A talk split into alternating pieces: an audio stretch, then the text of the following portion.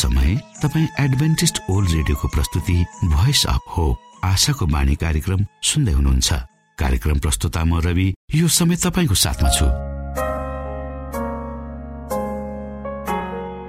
आफ्ना प्यारा श्रोताहरूको न्यानो माया र धेरै उत्साह दिने सकारात्मक प्रतिक्रियाहरूको सङ्गालो साथै लिएर आशाको बाणी कार्यक्रम डाँडा काँडा गाउँ बेसी हिमाल मधेस सुन्दर नेपालको सबै नेपालीलाई अनि मातृभाषा नेपाली बोल्ने अनि बुझ्ने प्रवासी नेपाली माझ पनि एउटा मन पर्ने कार्यक्रमको संज्ञाका साथ अगाडि बढिरहेको छ। हरेक दिनको कार्यक्रमहरू नयाँ र विशेष आत्मिकी बनाउनु हरेक श्रोताको चाहनालाई समेट्ने प्रयास गर्नु र तपाईँ सबैलाई हाम्रो मुक्तिदाता को हुनुहुन्छ भनी परिचय गराउनु हाम्रो उद्देश्य हो। यसमा तपाईँले हामीलाई साथ दिनुभएको छ। यसको लागि तपाईँलाई हामी धेरै धेरै धन्यवाद दिन चाहन्छौ। परमेश्वरको नामको महिमा होस् आज पनि हामी बाइबलबाट शिक्षाप्रद सन्देशहरू सुन्नेछौ। प्रभु धन्यवाद छ यति सुन्दर जीवन दिनु भो मलाई। प्रभु धन्यवाद छ धन्यवाद छ तपाईँलाई। यसो धन्यवाद छ फेरि नयाँ जीवन दिनुभयो मलाई। यसो धन्यवाद छ धन्यवाद छ तपाईँलाई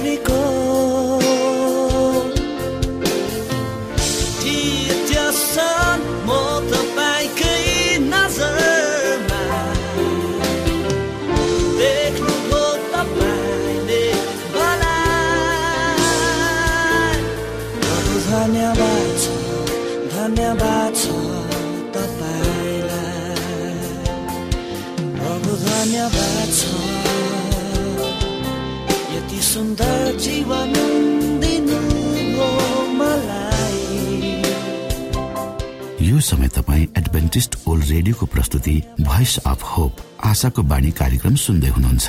श्रोता मित्र यो समय हामी पास्टर उमेश पोखरेलबाट आजको बाइबल सन्देश सुन्नेछौ। श्रोता साथी न्यानो क्रिस्टी अभिवादन। म पास्टर उमेश पोखरेल परमेश्वरको वचन लिएर पुनः तपाईँहरूको बिचमा उपस्थित भएको छु। मलाई आशा छ तपाईँका जीवनका सम्पूर्ण पक्षहरू परमेश्वरको अगुवाईमा ठिकठाक साथ अगाडि बढ्दैछन्।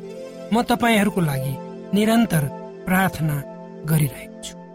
आजको प्रस्तुतिलाई अगाडि बढाउनु भन्दा पहिले आउनुहोस् हामी परमेश्वरमा अगुवाईको लागि प्रार्थना राखौँ। जीवी जिउँदो महान दयालु परमेश्वर ओ प्रभु तपाईँ कति महान परमेश्वर तपाईँको त्यो महान प्रेम त्यो मानव जातिको लागि प्रभु छताछुल्लो भएर हामी धन्यवादी छौँ। तपाईँको पुत्र प्रभु यीशु क्रिस्टको लागि यो संसारमा हाम्रो खातिर आउनुभयो मर्नुभयो। प्रभु यो रेडियो कार्यक्रमलाई तपाईँको हातमा राख्दछौँ जसमा तपाईँको असल सुसमाचार छ र यो असल सुसमाचार अथवा गुड न्युजलाई प्रभु तपाईँले यो देश र सारा संसारमा छर्नुहोस्। त्यसबाट तपाईँको महिमा सबै बिन्ती प्रभु यीशुको नाम। आमेन।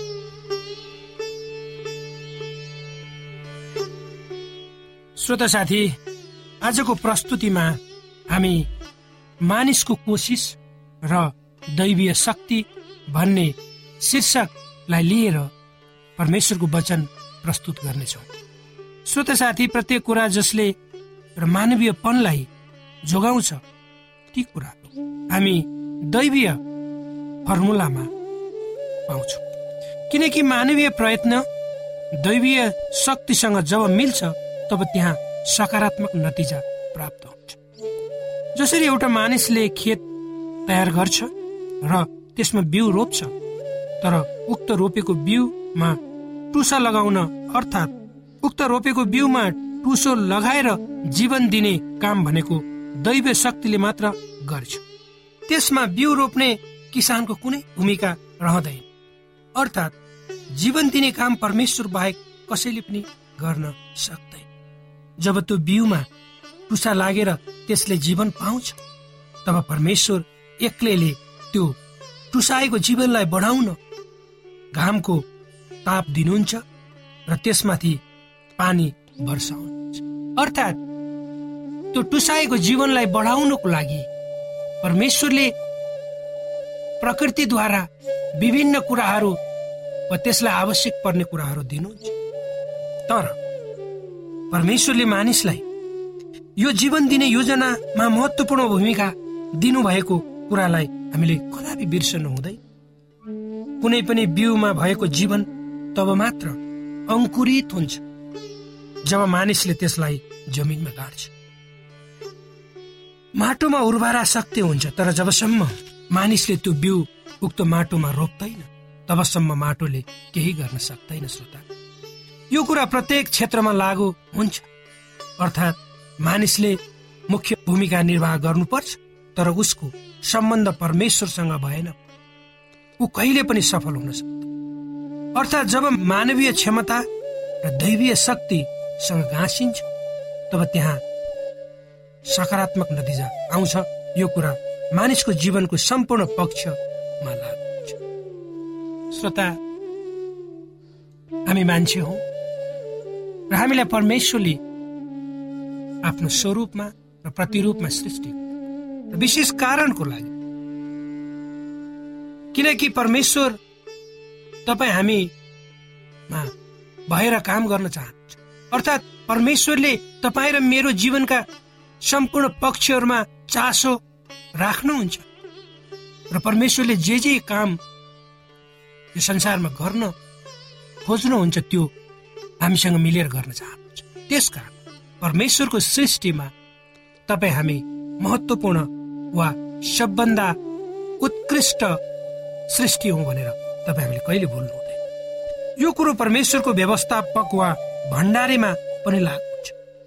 अर्थात् परमेश्वर यो संसारको मालिक हुनुहुन्छ र तपाईँ हामी परमेश्वरले गर्नुभएको सृष्टिको रखवाला वा भण्डारे वा व्यवस्थापक त्यसकारण त्यो कुरो तपाईँ हामीमा लागु अर्थात् सबै मानिसमा अर्थात् यो सबै मानिसमा लागु हुन्छ। पवित्र धर्मशास्त्र बाइबलको मत्ती भन्ने पुस्तक छ त्यसको पाँच अध्यायको पैँतालिस पदमा परमेश्वर यसरी भन्नुहुन्छ। तिमीहरू स्वर्गमा हुनुहुने आफ्ना पिताका छोराहरू हुनेछौ। उहाँले दुष्ट र सज्जन दुवैलाई सूर्यको ताप दिनुहुन्छ। र धर्मी र पापी दुवैलाई दृष्टि दिनुहुन्छ यही परमेश्वरको यसरी हामी परमेश्वरको उद्धारको योजना अर्थात् परमेश्वरले मानव जातिलाई वा तपाईँ र मलाई समान रूपमा हेर्नुहुन्छ भन्ने कुरो हामी स्पष्ट बुझ्न सक्छौँ। अर्थात् परमेश्वरको नजरमा हामी सबै मानिसहरू समान छौँ र उहाँ तपाईँ हामी सबैलाई उत्तिकै प्रेम गर्नुहुन्छ। ज जसले परमेश्वरलाई विश्वास गर्दछ वा गरेका छन् उनीहरूले नाश भएको वा खस्कँदै गएको वा बिग्रिँदै गएको परमेश्वरको त्यो संरचनालाई बचाउनको निम्ति काम गर्नुपर्छ त्यो परमेश्वरको सदिच्छा परमेश्वरले मान्छेलाई सृष्टि गरिसकेपछि उहाँले आफूले गर्नुभएको सृष्टिको मा अधिकार गर त्यसको हेरचाह गर र संरक्षण गर भनेर जिम्मा पनि दिनु अर्थात् मानिस जातिमा परमेश्वरले ठुलो अभिभारा सुम बने भएको छ। तर दुर्भाग्यवश आज धेरै मान्छेहरूले जो परमेश्वरले दिनुभएको जिम्मेवारीलाई भुलेर परमेश्वरले गर्नुभएको सृष्टिमाथि अत्याचार र अन्याय गरिरहेको छ। हाम्रै आँखाको अगाडि श्रोता हामी देख्छौँ। भूमि वा प्रकृतिमाथि मान्छेले गरेको अत्याचारहरू र प्रकृति जुन रूपमा विनाश भइरहेको छ त्यसमा मान्छेको भूमिका निश्चय नै परमेश्वरको इच्छा मुताबिक मान्छेले आफ्नो काम नगरेको स्पष्ट हुन्छ। त्यसै गरेर अझ पशु पक्षीहरू चराचुरुङ्गीहरू जसलाई परमेश्वरले सृष्टि गर्नुभयो र जसै जति तपाईँ हामीलाई माया गर्नुहुन्छ त्यति नै तिनीहरूलाई पनि माया गर्नुहुन्छ। तिनीहरूप्रति हामी मानिस जाति कति असंवेदनशील भएका छौँ कति क्रूर भएका छौँ र कति दानवीय भएका छौँ के तपाईँले र मैले कहिले सोचेका छौँ? हामी मान्छे हौ हामी चेतनशील मानिस। परमेश्वरले त्यो चेतना तपाईँ हाम्रो दिमागमा हालिदिनु भएको छ। र हामीलाई थाहा छ कुन कुरो सही र कुन कुरो गलत छ। त्यसकारण यो संसारमा रहँदाखेरि हामीले गर्ने कुराहरूमा प्रत्येक कुरामा तपाईँ र मैले होसियार र चनाको भएर हिँड्नुपर्छ र परमेश्वरको त्यो सदिच्छा त छ त्यो सदिच्छालाई हामीले आत्मसात गरेर परमेश्वरको सम्पूर्ण सृष्टिलाई संरक्षण सम्वर्धन गर्ने हाम्रो दायित्व। त्यति मात्र नभएर मानिसले तपाईँ हामी मानिस हौ हामीले परमेश्वर प्रेम हुनुहुन्छ परमेश्वर सदाशय हुनुहुन्छ परमेश्वर करुणामय हुनुहुन्छ परमेश्वर क्षमाशील हुनुहुन्छ परमेश्वर दयावन्त हुनुहुन्छ। भन्ने कुरो ज जसले परमेश्वरलाई चिनेका छैनन्। त्यो कुरो त्यो सुसमाचार छ त्यो सुसमाचार हामीले छर्नुपर्छ मानिसहरूमा छर्नुपर्छ।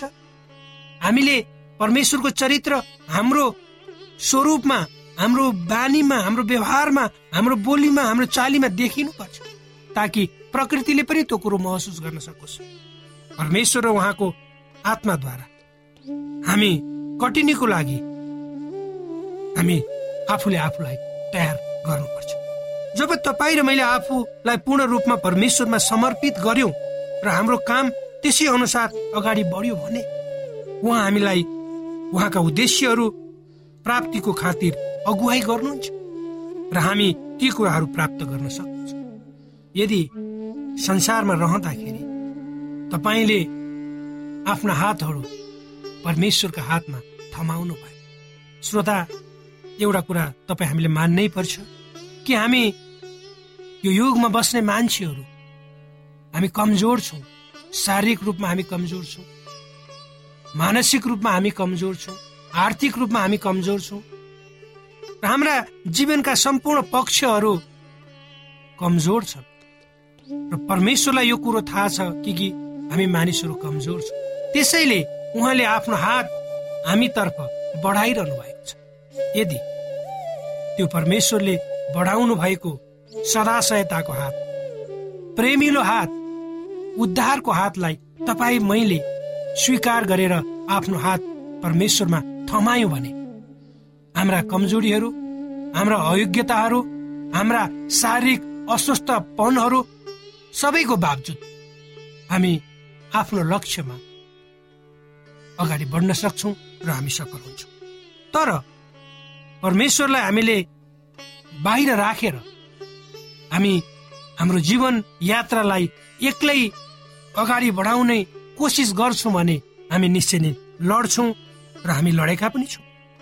र हामीले प्राप्त गर्ने शक्तिहरू सफलताहरू हाम्रा जीवनका सबभन्दा राम्रा क्षणहरू पलहरू यो हाम्रो आफ्नै क्षमताले हाम्रो आफ्नै बौद्धिक शक्तिद्वारा हामीले हासिल गरेको नभई यो त पवित्र आत्माको शक्तिबाट हामी दोहोऱ्याइएको हुनाले यी सबै कुराहरू प्राप्त गर्ने शक्ति हामीले पाउँछौँ। र पवित्र आत्माले स्वर्गबाट आउनुहुने ज्योतिका किरणहरूलाई ग्रहण गर्ने मानिसको हृदयलाई खोल्नुहुन्छ। अर्थात् पवित्र आत्माले जुन स्वर्गबाट जो आशाको किरण आउँछ त्यसलाई ग्रहण गर्नको लागि तपाईँ र मेरो हृदयलाई अर्थात् मानिसको हृदयलाई खोल्नुहुन्छ वा तयार गर्नुहुन्छ।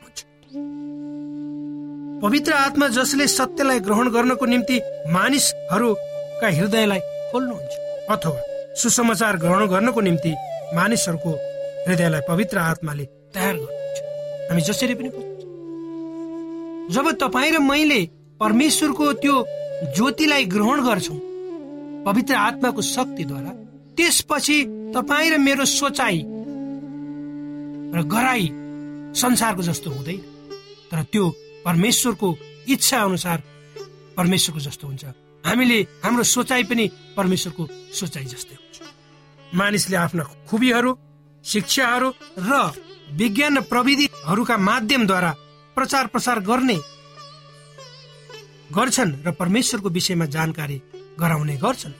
तर मानिसको यो काममा यदि पवित्र आत्माको उपस्थिति भएन वा भने वा छैन भने मानिसहरूले कुनै पनि हृदयलाई छुन सक्दैन कुनै पनि पापीले क्रिसलाई प्राप्त गर्न सक्दैन।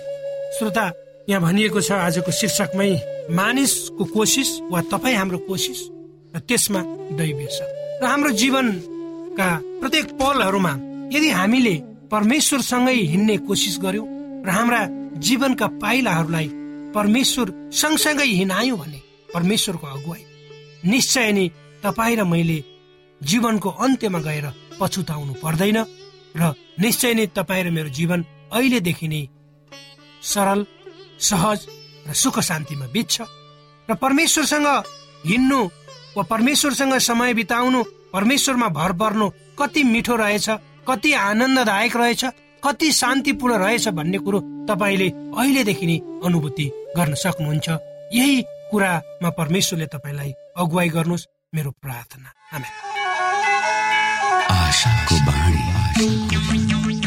श्रोता भर्खरै यहाँले पास्टर उमेश पोखरेलबाट बाइबल वचन सुन्नुभयो। यो समय तपाईँ एडभेन्टिस्ट ओल्ड रेडियोको प्रस्तुति भोइस अफ होप आशाको बाणी कार्यक्रम सुन्दै हुनुहुन्छ। कार्यक्रम सुनेर बस्नुहुने सबै श्रोतालाई हामी हाम्रो कार्यक्रममा स्वागत गर्न चाहन्छौ। श्रोता मित्र यदि तपाईँ जीवनदेखि हरेस खानु भएको छ तपाईँका जीवनमा धेरै अनुत्तरित प्रश्नहरू छन् भने आउनुहोस् हामी तपाईँलाई परमेश्वरको ज्योतिमा डोहोर्याउन चाहन्छौ र तपाईँ आफ्नो जीवनका चिन्ता फिक्रीबाट निश्चिन्त हुनुहोस् र बाँच्नुको आनन्द परमेश्वरको सामिप्यमा कति मिठो हुन्छ त्यो चाख्नुहोस् भनी हामी चाहन्छौँ। श्रोता यदि तपाईँ आशाको बाणी कार्यक्रमलाई अनलाइन सुन्न चाहनुहुन्छ वा डाउनलोड गर्न चाहनुहुन्छ भने डब्लु डट एडब्लुआर डट ओआरजीमा जानुहोस्। त्यहाँ तपाईँले प्रत्येक दिनको कार्यक्रम सुन्न र डाउनलोड गर्न सक्नुहुनेछ। हाम्रो वेब पेज यस प्रकार छ W dot AWR dot ORG श्रोता यदि तपाईँ हामीसित सिधै फोनमा सम्पर्क गर्न चाहनुहुन्छ भने हाम्रा नम्बरहरू यस प्रकार छन्। अन्ठानब्बे एकसाठी पचपन्न शून्य एक सय बिस अन्ठानब्बे एकसाठी पचपन्न शून्य एक सय बिस र अर्को अन्ठानब्बे अठार त्रिपन्न पन्चानब्बे पचपन्न. अन्ठानब्बे अठार त्रिपन्न पन्चानब्बे पचपन्न.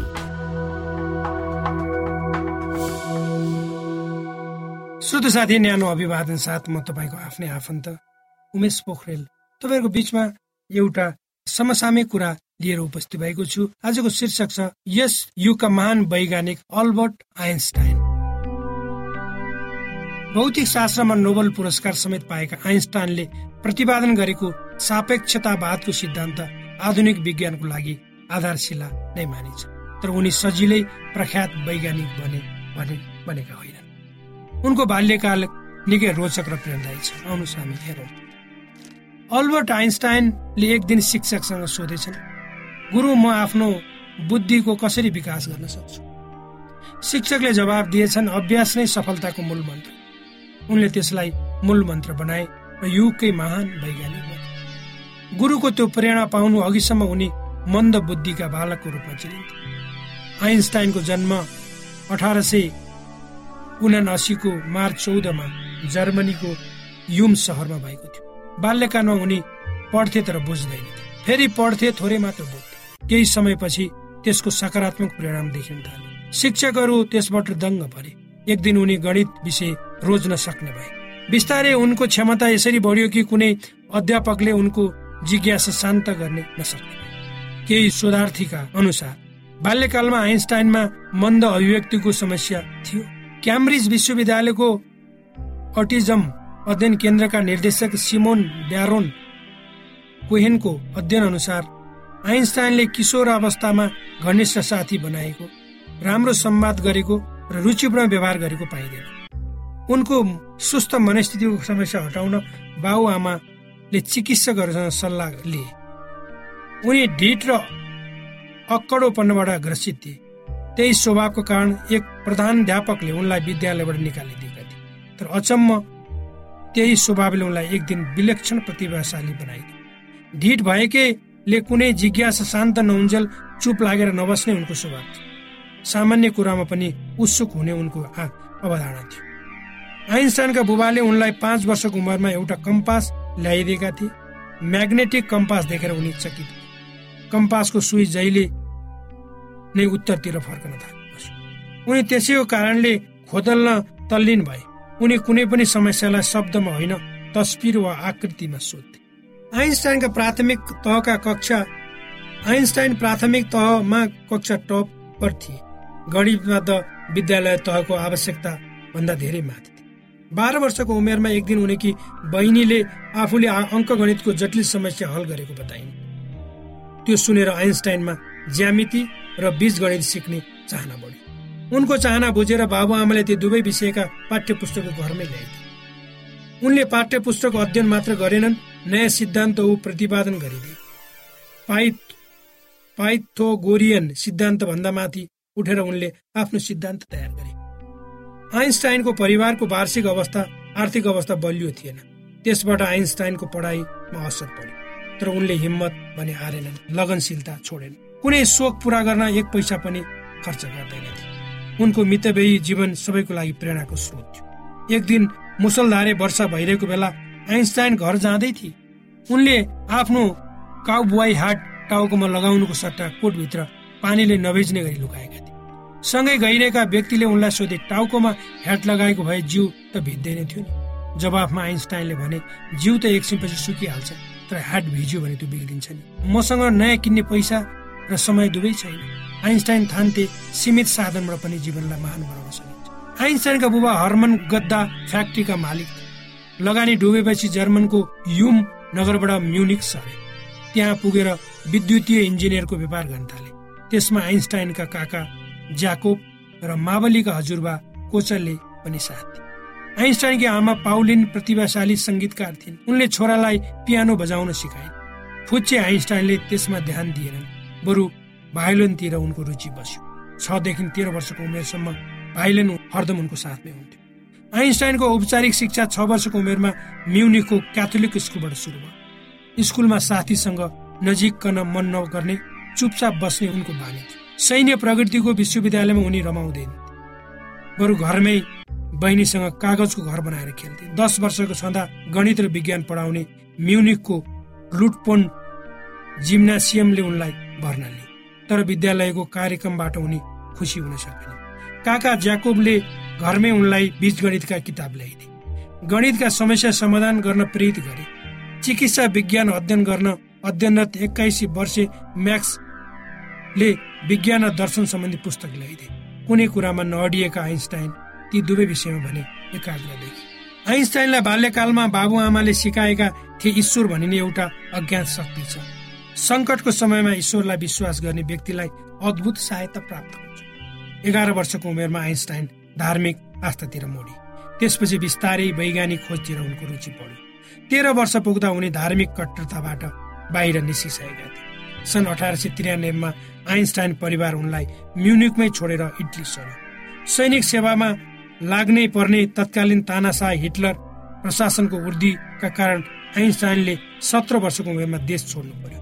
त्यसपछि उनी च्युरिजको सङ्घीय स्विस पोलिटेक्निकमा भर्ना भए। प्रवेश परीक्षामा फेल भए पनि उनले फिजिक्स र गणितमा आश्चर्यजनक अङ्क ल्याएकोमा भर्ना भए अठार सय छयानब्बेमा स्नातक उत्तीर्ण गर्दा उनी असाधारण क्षमता भएका व्यक्ति भइसकेका थिए। बाल्यकाल असामान्य भए पनि निरन्तरको मेहनत र अध्ययनले आइन्स्टाइन असाधारण प्रतिभाशाली व्यक्ति बन्न सफल भए। उनले सापेक्षवादको सिद्धान्त प्रतिपादन गरे। त्यसबाहेक उनी पनि उनका विज्ञान सम्बन्धी थुप्रै सिद्धान्तहरू छन् जुन आजसम्म पनि अरू वैज्ञानिकका लागि खोजकै विषय बनेका छन्।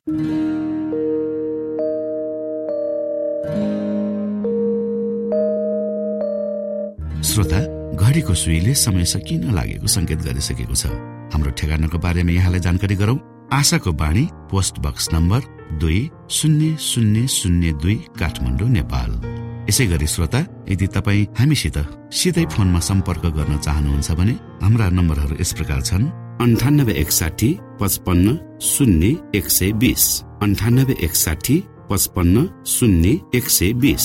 र अर्को अन्ठानब्बे अठार त्रिपन्न पन्चानब्बे पचपन्न।